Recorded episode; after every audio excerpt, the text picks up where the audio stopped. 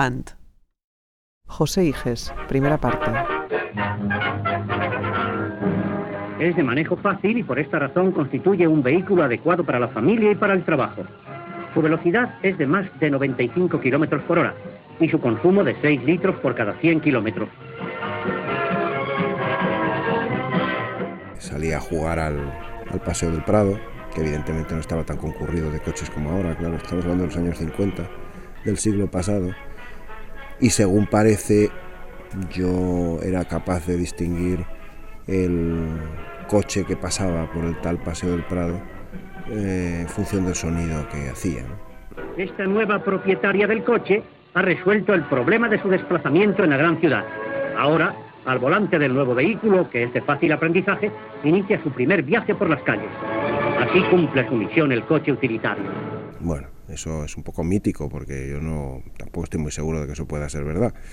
Y luego también como sonidos recuerdo ciertamente, no ya solamente como, como música, sino como ambiente sonoro, el de la radio de la época, puesto que yo vivía en una casa eh, que tenía una estructura muy típica en Madrid, que es la de Corralas, como conoces, y entonces, pues eh, naturalmente el sonido del patio, aparte de las voces de las vecinas, los vecinos, los niños, tal, tal, pues era la radio de la época. ¿no? Entonces mm, todavía no estaba la televisión, tardaría unos años aún, y entonces escuchaba, oía eso como, como un elemento fundamental del paisaje sonoro. ¿no? La Sociedad Española de Radiodifusión presenta... Las Alegres Torrerías 1957. Luego ya hay que esperar un tiempo después, cuando empiezo a interesarme ya más seriamente por la música y sobre todo lo canalizo de una manera bastante autodidacta en un principio, eh, muy ligada al mundo de la canción, de los cantautores, de, también de un cierto folk rock. Eh, pero en fin, eso dura un cierto tiempo hasta que me intereso ya mucho más por la escritura contemporánea, a través de, yo me acuerdo por ejemplo que quizá mi influencia así que recuerde más, más fuerte eh, fue encontrarme en el Instituto Alemán de Madrid con un ejemplar del estudio 2 de Stockhausen, en un disco de, creo recordar que era de, de Deutsche Grammophon, un disco microsurco un poquito cascado. Entonces yo lo escuché y dije, bueno, ¿esto qué es? No?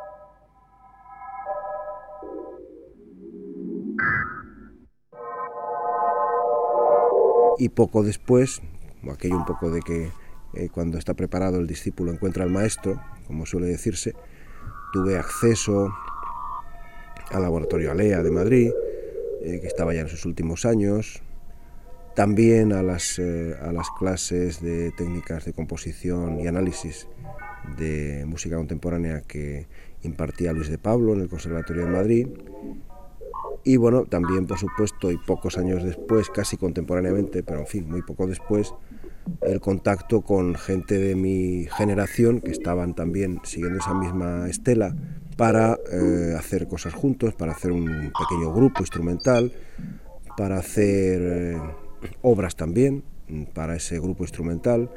Eh, la relación también en esos años, hablo de finales de los segunda mitad de los 70, principios de los 80, de pues el grupo en torno a Florentino Briones eh, y el Seminario de Arte e Informática y luego pues digo la canalización de ese tipo de, de actividades ¿no? Eh, y de tendencias en lo que sería una especie de colectivo que surge en Madrid pues, eh, a finales de los 70, a principios de los 90, que se llamó El Enfante. Inger, Ingre, Iner, Ineger. Nombre deliberadamente cacofónico y no simbólico, como decía uno de los eh, colegas de este grupo, amigo de la época e inventor del nombre, Javier Maderuelo. Pero junto a él pues estaba Llores Barber y estaba pues eh, Emiliano del Cerro y Ramón González Arroyo y, Pedro Esteban, y Mari Villa, y Antonio Agúndez, y Fernando Palacios, y un montón de gente, ¿no?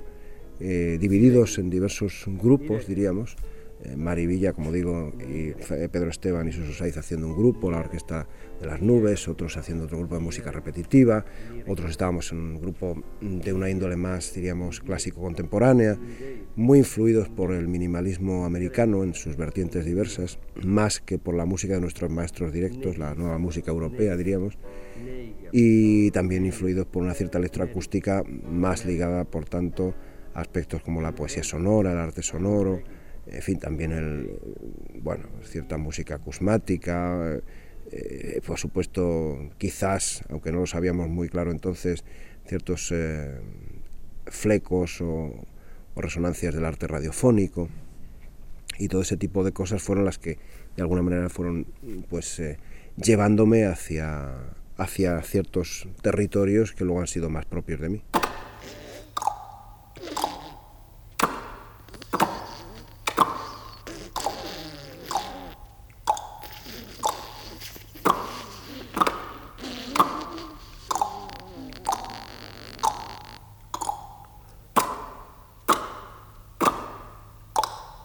Lo primero que destacaría al respecto de mi acercamiento al arte radiofónico, al radioarte, como se le quiera llamar, es eh, una reunión que tuvo lugar en Matera, en el sur de Italia, el año 86. La Sonora empezaba en el 85, es un programa que empezamos Francisco Felipe y yo, y la verdad es que Francisco Felipe, que tiene 10 años menos que yo, estaba mucho más enterado de un montón de cosas que yo mismo. Porque bueno, él había viajado bastante, él había conocido toda una serie de gente que estaban trabajando en estos ámbitos y bueno, él tenía una serie de informaciones que honradamente a mí me faltaban, yo tenía otras que a él le faltaban, obviamente. Entonces con ello hicimos esta amalgama que fue Sonora, pero de todas maneras la verdad es que estábamos creando de alguna manera una forma, una forma de hacer radio también, como nos parecía a nosotros y sin saber muy bien, eh, sobre todo en mi caso, qué otros modelos eh, podría haber por ahí fuera, hasta que en el año 86, como digo, pues yo tuve la suerte, casi casualidad, de que la radio, mm, dado que yo estaba haciendo ese programa, eh, dijera, hombre, pues hay una convocatoria, una cosa que se hace, un festival que era la reseña de experimentación sonora y radiofónica Audiobox, en el sur de Italia, como digo, organizada por un personaje que luego ha sido realmente importante para mí, como amigo y como, profesional, Pinotto Fava. Entonces, bueno, yo llego allí y, bueno, pues realmente mm, eh, me doy cuenta de que no estoy completamente loco, porque todos los demás que estaban por allí, pues estaban haciendo desde hace mucho más tiempo que yo, lógicamente, y mejor cosas de las que nosotros estábamos haciendo en la Sonora, ¿no? Entonces eh, ahí empezó, diríamos, una, como un punto de inflexión, ¿no? También, bueno, pues había otros profesionales, evidentemente, que pude conocer en esa circunstancia. Al año 88 volví y todo eso, evidentemente, ha ido conformando también ya con la creación del grupo Ars Acústica, de la que fui también yo muy miembro fundador al año 90 en la UER, en la Unión Europea de Radiodifusión, en Ginebra, la conformación, diríamos, de un, de un frente en el cual mm, pues, se fomentaba un foro para la producción, difusión y promoción del radioarte y en general del arte sonoro, en donde, como digo, Art Sonora ha sido una oreja abierta a lo que pasaba en esos sitios, aparte, por supuesto, de coproducir obras con toda esta gente eh, y de organizar, por ejemplo, en el año 92 en Madrid, en el Círculo de Bellas Artes, un encuentro de radioarte llamado Ciudades Invisibles, porque era un poco la relación entre la ciudad, la urbe y la radio, con todas las obras que se habían hecho eh, en torno a ese binomio eh, y por supuesto también con actuaciones en vivo y con conferencias y con participación de algunos de estos personajes y todo esto para tratar de acercar justamente, no ha sido la última vez, pero sí la primera, a estos personajes, digo, importantes de la radio europea de la radio de creación al público español.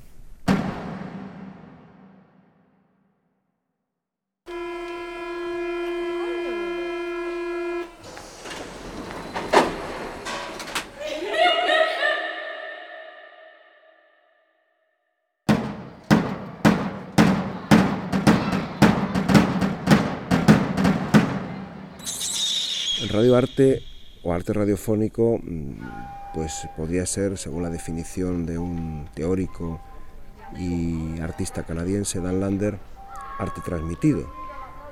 Eh, podría ser, según la definición de otro artista practicante de estas disciplinas, del arte electrónico, por supuesto también del arte radiofónico, Bob Adrian, eh, es eh, radio hecha por artistas.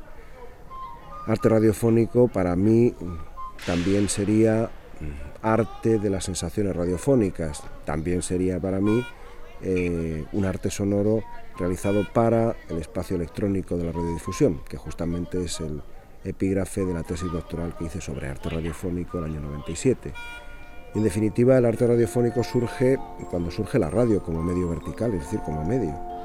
Y surge pues eh, con gentes de dentro del medio, profesionales que empiezan a experimentar con las posibilidades que tiene aquello, muy ligada, por supuesto, a las limitaciones y a las virtudes de la nueva tecnología eh, y muy condicionada por ella también, tratando de eh, ver que efectivamente pues la radio como tal es capaz de generar sensaciones en los oyentes, sea o no de naturaleza artística, evidentemente, eh, es un medio de expresión, por tanto, y como tal puede ser un medio de expresión artística. En este sentido, pues he de decir que los géneros son muchos, naturalmente.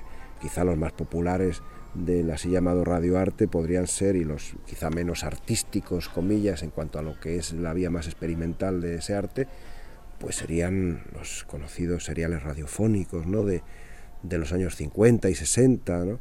Em, que la mente de los más veteranos que nos estén escuchando pues están, ¿no? tanto en Radio Barcelona como en Radio Madrid, la SER, en Radio Nacional. Y esa es una vía que internacionalmente también se ha desarrollado mucho, es el concepto Hörspiel, juegos para el oído, es la traducción, diríamos, literal del alemán al castellano, que engloba en los países de habla alemana toda una serie de obras en esta línea. Lo que pasa es que de ahí se ha saltado, evidentemente, a un terreno más experimental, en donde pues, ya ha habido obras eh, en donde mm, se alejaban los presupuestos de lo que estéticos de lo que sería una realidad más narrativa convencional, como pasa con la novela, pues eh, evidentemente hay novelas por entregas y novelas del oeste y hay Cien años de soledad. Es decir, que hay autores muy importantes que han eh, realizado pues, obras señeras para el arte radiofónico. la Guerra de los Mundos de Orson Welles es arte radiofónico. Eh, y bueno, nadie puede dudar de la excelencia de Orson Welles también en otros campos, ¿no? The Columbia Broadcasting System and its affiliated stations present Orson Welles and the Mercury Theater on the air in The War of the Worlds by H.G. Wells.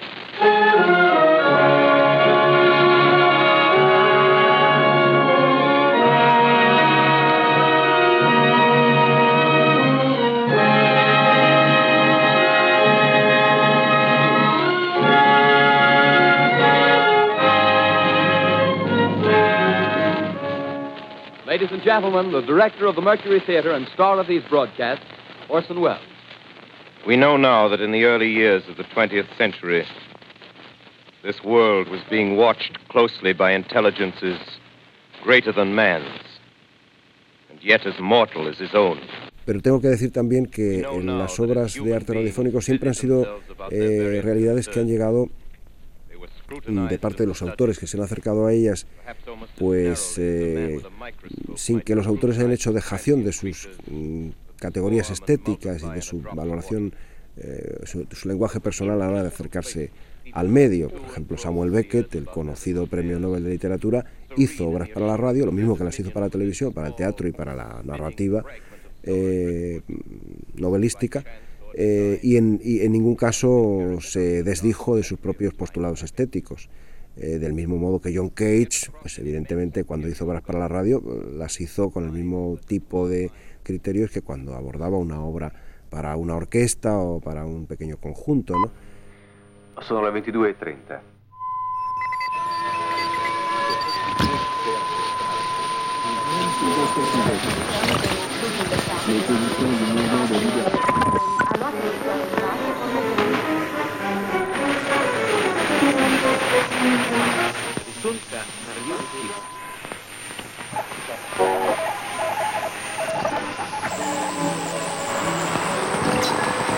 Podríamos decir que la música concreta surge en la radio eh, a finales de los años 40 en Francia, o la primera música electrónica en los años 50 en, Alemania, pues es una, la primera música estrictamente radiofónica porque toma la radio como, como su sala de conciertos idónea. Cierto que luego se ha expandido a otros espacios y a otros medios, ¿no? pero originalmente surgió como, como arte radiofónico, diríamos. ¿no? Entonces, ¿qué pasa? Que cada, en cada caso, evidentemente, pues eh, en ese mogollón de géneros que se producen dentro de los géneros artísticos radiofónicos, pues naturalmente depende de lo que sea uno, si es músico, si es poeta, si es narrador, si es mm, performer, si es...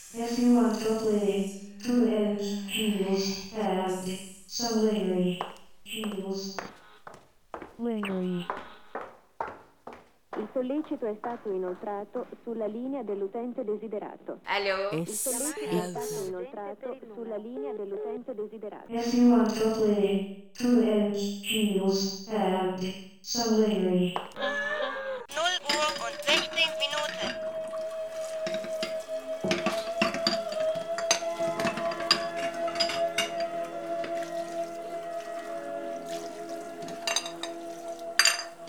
Siguiente paso, después de trabajar con mis amigos y colegas eh, y compañeros de generación de, de, diríamos, el entorno de ese colectivo El Enfante, que también, hay que decirlo, surge en el entorno de Juventudes Musicales de Madrid en aquellos años, pues eh, es un poco como decían los sufíes, tiempo, lugar y gente, ¿no? Hay una situación en la cual pues eh, se crean esos grupos, so, tenemos una determinada edad, un determinado modo de pensar, divergente respecto de la generación de nuestros maestros, pero también respecto de otros colegas de la misma edad, y quizá eso nos hace unirnos y tal, y luego explota como, como una burbuja y cada cual se va a sus historias, y yo en realidad empiezo a trabajar eh, a partir del año 84, pero más conscientemente desde el 86, con la cantante actriz Esperanza Abad, y a partir de ahí pues eh, empezamos a hacer toda una serie de cosas y eh, diríamos que es un punto de, de, partida importante para mí, un punto de inflexión, como lo es también el trabajar con la artista intermedia Concha Jerez a partir del año, en la práctica 89, eh, para mm, pues desarrollar fundamentalmente en principio trabajos de instalación sonora y visual y después también toda una serie de conciertos intermedia, eh, obras para la radio, o sea, de creación radiofónica, etcétera, etcétera.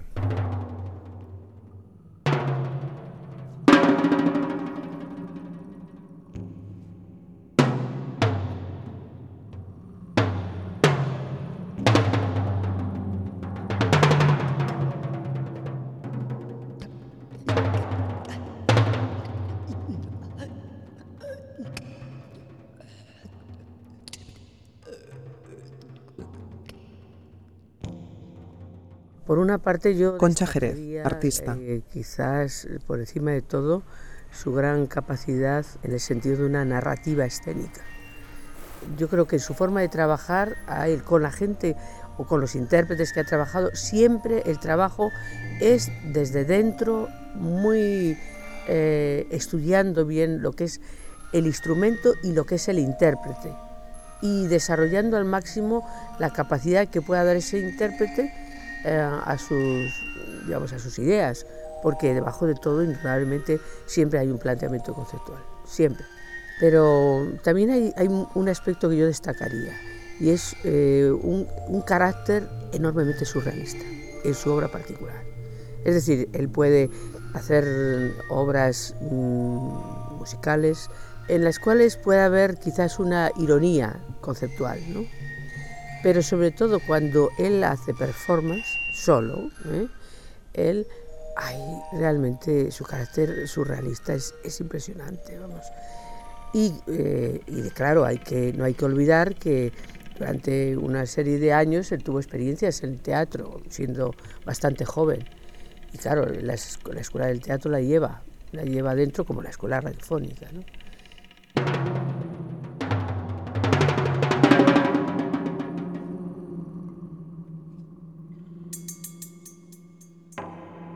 Para mí el boom de la radio en Madrid concretamente tuvo lugar pues cuando yo estaba estudiando, pues eso, en, a principios de los 70, que en realidad empezaron a, salir pues algunas emisoras de FM fue el boom de la FM y donde de pronto aparecieron personajes para mí interesantes que pues me abrían a campos eh, que yo desconocía musicalmente, ¿no?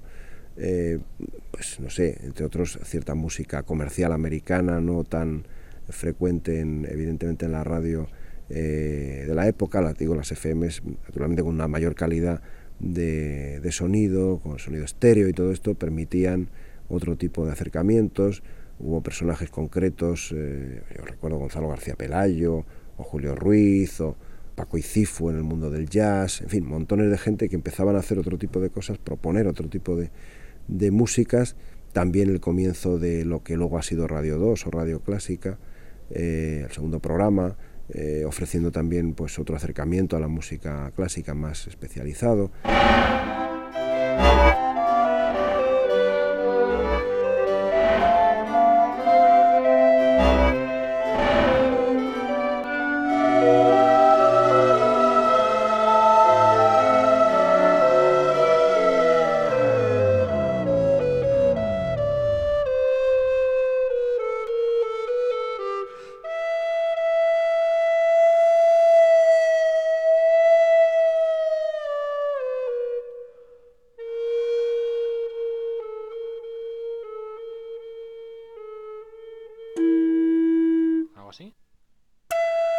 Hombre, yo pienso que el contexto español, como, como dijo Luis de Pablo en más de una ocasión, era un contexto anómalo, ¿no? Era una situación realmente convulsa, ¿no?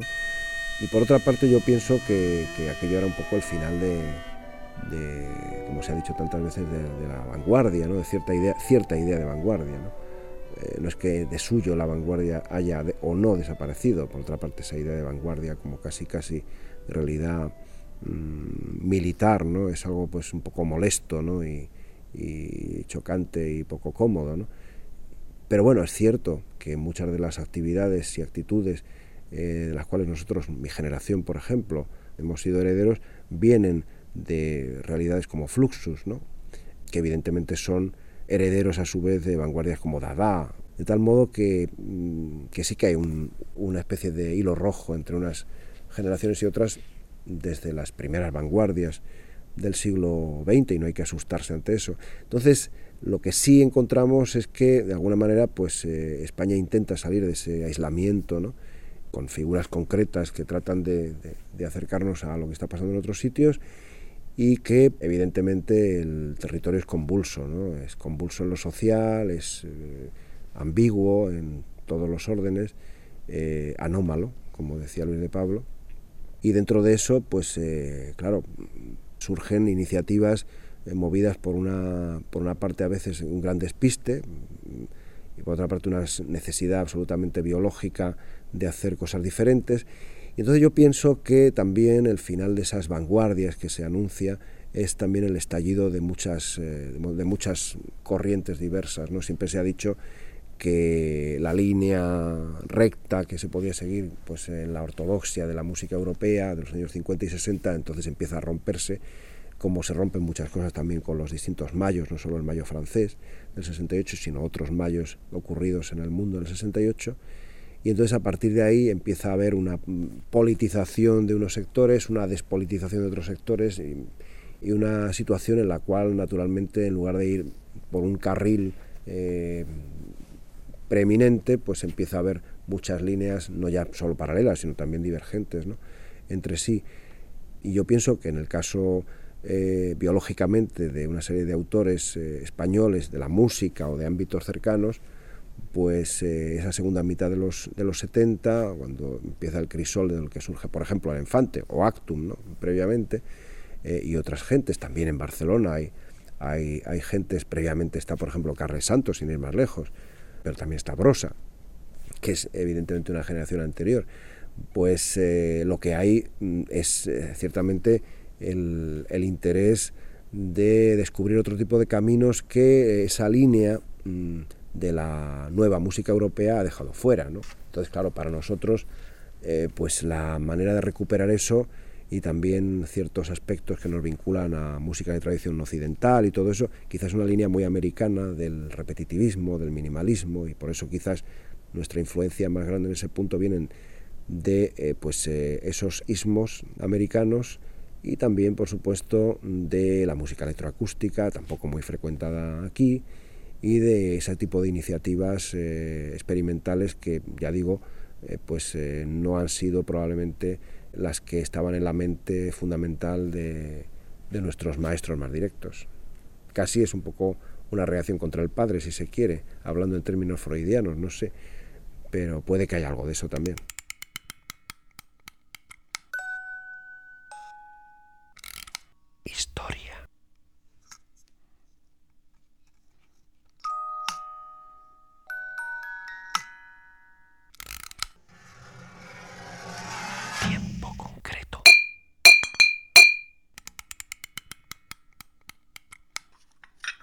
Yo creo que he evolucionado muy lentamente y quizás muy tardíamente.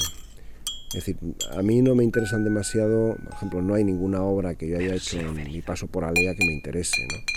Yo considero que eso eran más bien ejercicios, pero no también los que hacía en un curso que hice en la Universidad de Po, también en el entorno de la música electrónica en aquellos años, pues ejercicios, ¿no?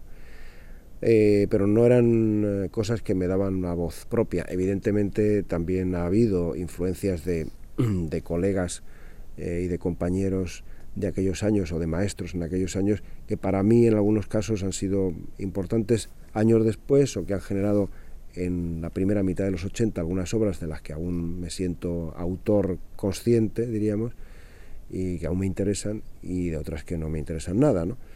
El salto fundamental se da para mí eh, cuando a mi modo de pensar y de sentir eh, se une el pensamiento conceptual que precisamente viene de la influencia y del contacto con la artista Concha Jerez, como digo, eh, del mismo modo que mi interés inmenso por, por, lo vocal, desde luego, no podría existir sin el, el, contacto y el trabajo con Esperanza Abad previamente, ¿no? y, y, hasta el año 2000 además, ha sido la cosa.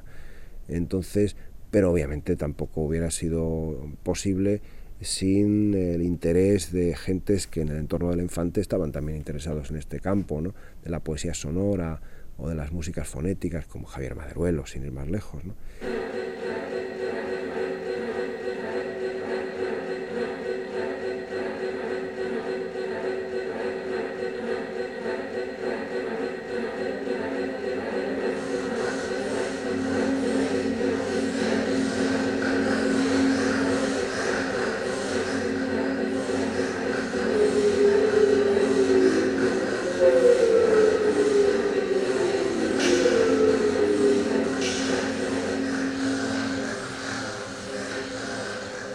He sido siempre un creador muy in situ.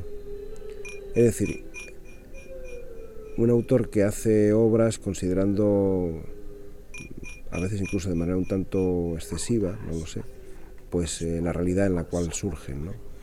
Que sí hay un hilo conductor que, se, que también tiene que ver con, por supuesto, las instalaciones sonoras y visuales que hemos hecho Concha y yo, o las instalaciones sonoras que yo he hecho yo solo, que sí tienen mucho que ver con dónde se van a poner, quiénes son los que lo van a tocar, en qué contexto se va a realizar. Yo creo que la, eh, el cuidado hacia el contexto eh, es algo que, en definitiva, hacia el medio que alberga lo que tú vas a ofrecer, es algo que, que sí es una constante a lo largo de, de mi obra eh, y probablemente eso tiene que ver con un pensamiento muy mediático por mi parte, ¿no? Es decir, que, mm, que presto mucha atención a ese contexto como una realidad mediática, no como simple contexto, sino como un medio en el cual la obra se desarrolla. Y creo que eso es algo que me diferencia bastante, eh, por no decir radicalmente, de la mayor parte de los compositores españoles actuales y, por supuesto, de los de mi generación.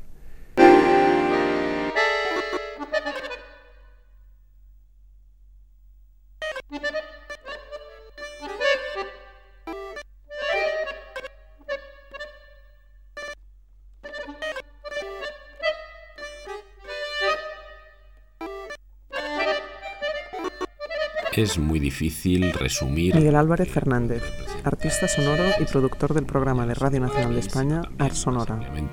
Lo que su figura significa dentro del arte radiofónico en España, eh, que no es que sea poco ni mucho, es que lo es casi todo. y mm, lo que la figura de José Iges también representa más ampliamente aún para el arte sonoro en general. Una buena parte de estas dificultades a las que aludía obedece a esa condición que el propio José Iges ha definido como estar entre sillas, es decir, al hecho de que su labor creativa se haya ramificado a través de múltiples disciplinas y que además haya mantenido siempre un cierto carácter fronterizo, en virtud del cual en sus obras se entremezcla lo musical con lo teatral, con lo plástico, con lo narrativo y con otras muchas cosas que impiden, eh, o al menos dificultan, adscribir el trabajo de Iges a un género específico o a cualquiera de los ámbitos tradicionalmente acotados desde lo académico o desde lo institucional. El artista puede ser un mutante mediático y de hecho lo es en más o en menos, pero en mi caso pienso que de una manera inconsciente y en los últimos años, 10, 15 años, de una manera mucho más consciente, de alguna manera podría decirse que el mensaje del medio es también mi propio mensaje. No, no sé, pienso por ejemplo en una obra eh, que hice el año 2001 que se llama Dylan in Between y que utiliza simplemente el sonido de los eh, de la aguja en el surco presuntamente vacío entre dos cortes de distintos discos de las canciones de Bob Dylan. Eh, separados esos sonidos presuntamente de silencio en los discos de vinilo, que no lo eran, como todos sabemos, por silencios de un segundo absolutamente digitales, luego en tanto, por tanto silenciosísimos. Entonces, eso sí es hablar del medio, eso sí que es hacer de tu propio mensaje el mensaje del medio, en este caso el medio disco vinilo. ¿no?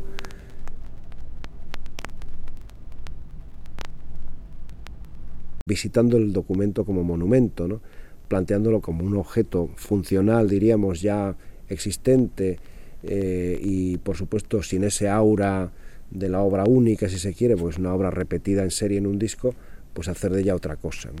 También esa referencia es mediática, es una referencia claramente mediática y por supuesto también interfiriente, es decir, el tratar de, eh, como decía Duchamp, cuando colocaba su urinario invertido y hacía una obra en una sala de exposiciones con ello que se llamaba Fuente, y decía que había que crear nuevos pensamientos para esos objetos, yo lo hago también de manera muy consciente y Concha Jerez y yo lo hacemos también en, en cierto modo como operación en algunas de nuestras obras, considerando que esa actitud interfiriente de unos materiales en otros espacios en los que a lo mejor no, no les corresponde estar, lo que dan es nuevos pensamientos para esos objetos ¿no? y nuevas sensaciones también, desactivan esa, esa situación de, de un significante ligado a un significado y al romper esa cadena de algún modo, pues eh, permites que los significantes no tengan ya significados o que tengan múltiples. ¿no? Y yo creo que esa es también una de las tareas del arte.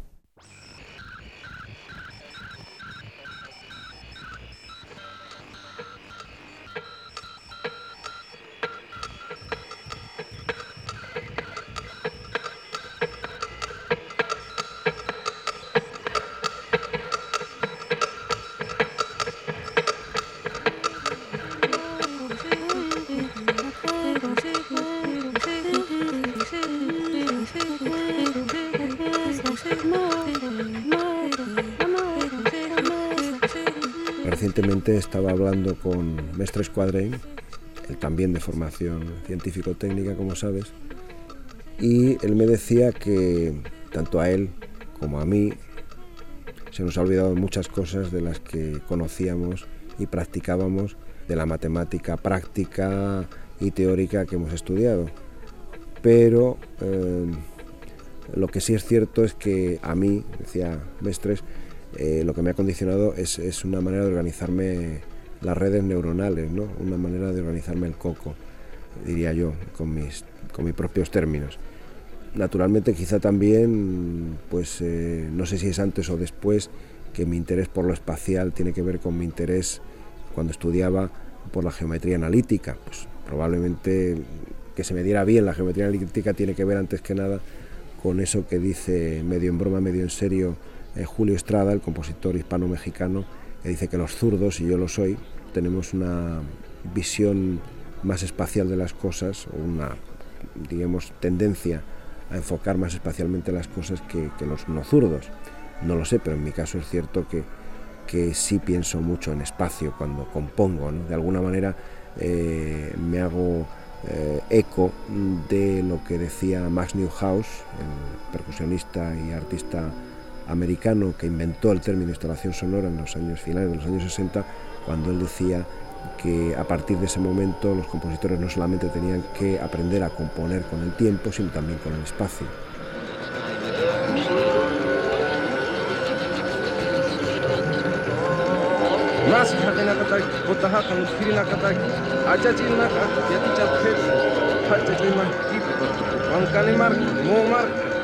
הקסנקאי חנקה, שום מתאימה מבחינתנק.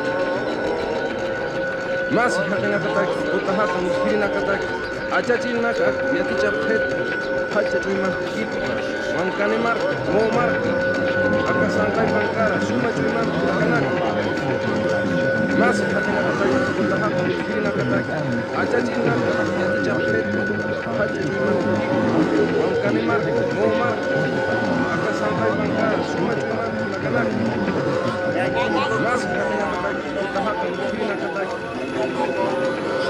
нас, нас, нас,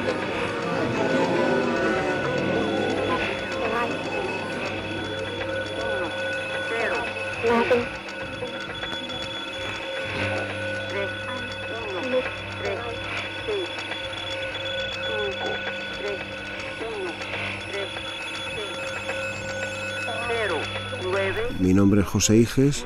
En el momento en el cual esta entrevista se produce, no en el cual ustedes eh, o vosotros la estáis, están oyendo, pues llevo barba. En este momento en el que se escucha esta entrevista no lo sé. Durante bastantes años he dirigido, desde el 85 hasta el 2008, un programa eh, pues dedicado al arte sonoro y radiofónico en Radio Clásica de Radio Nacional que se llama Ar Sonora y que por suerte sigue existiendo. Eh, y me defino como eh, artista intermedia y como compositor, fundamentalmente, aunque también eh, como teórico y comisario mm, de arte sonoro y de arte radiofónico.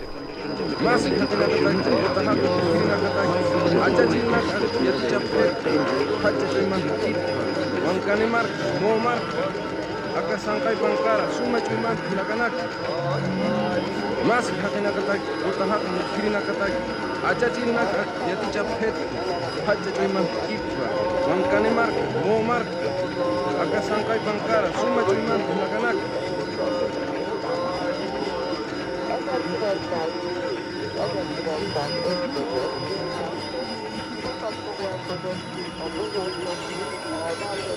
Thank you. aku sekarang di saat ini di jalan awal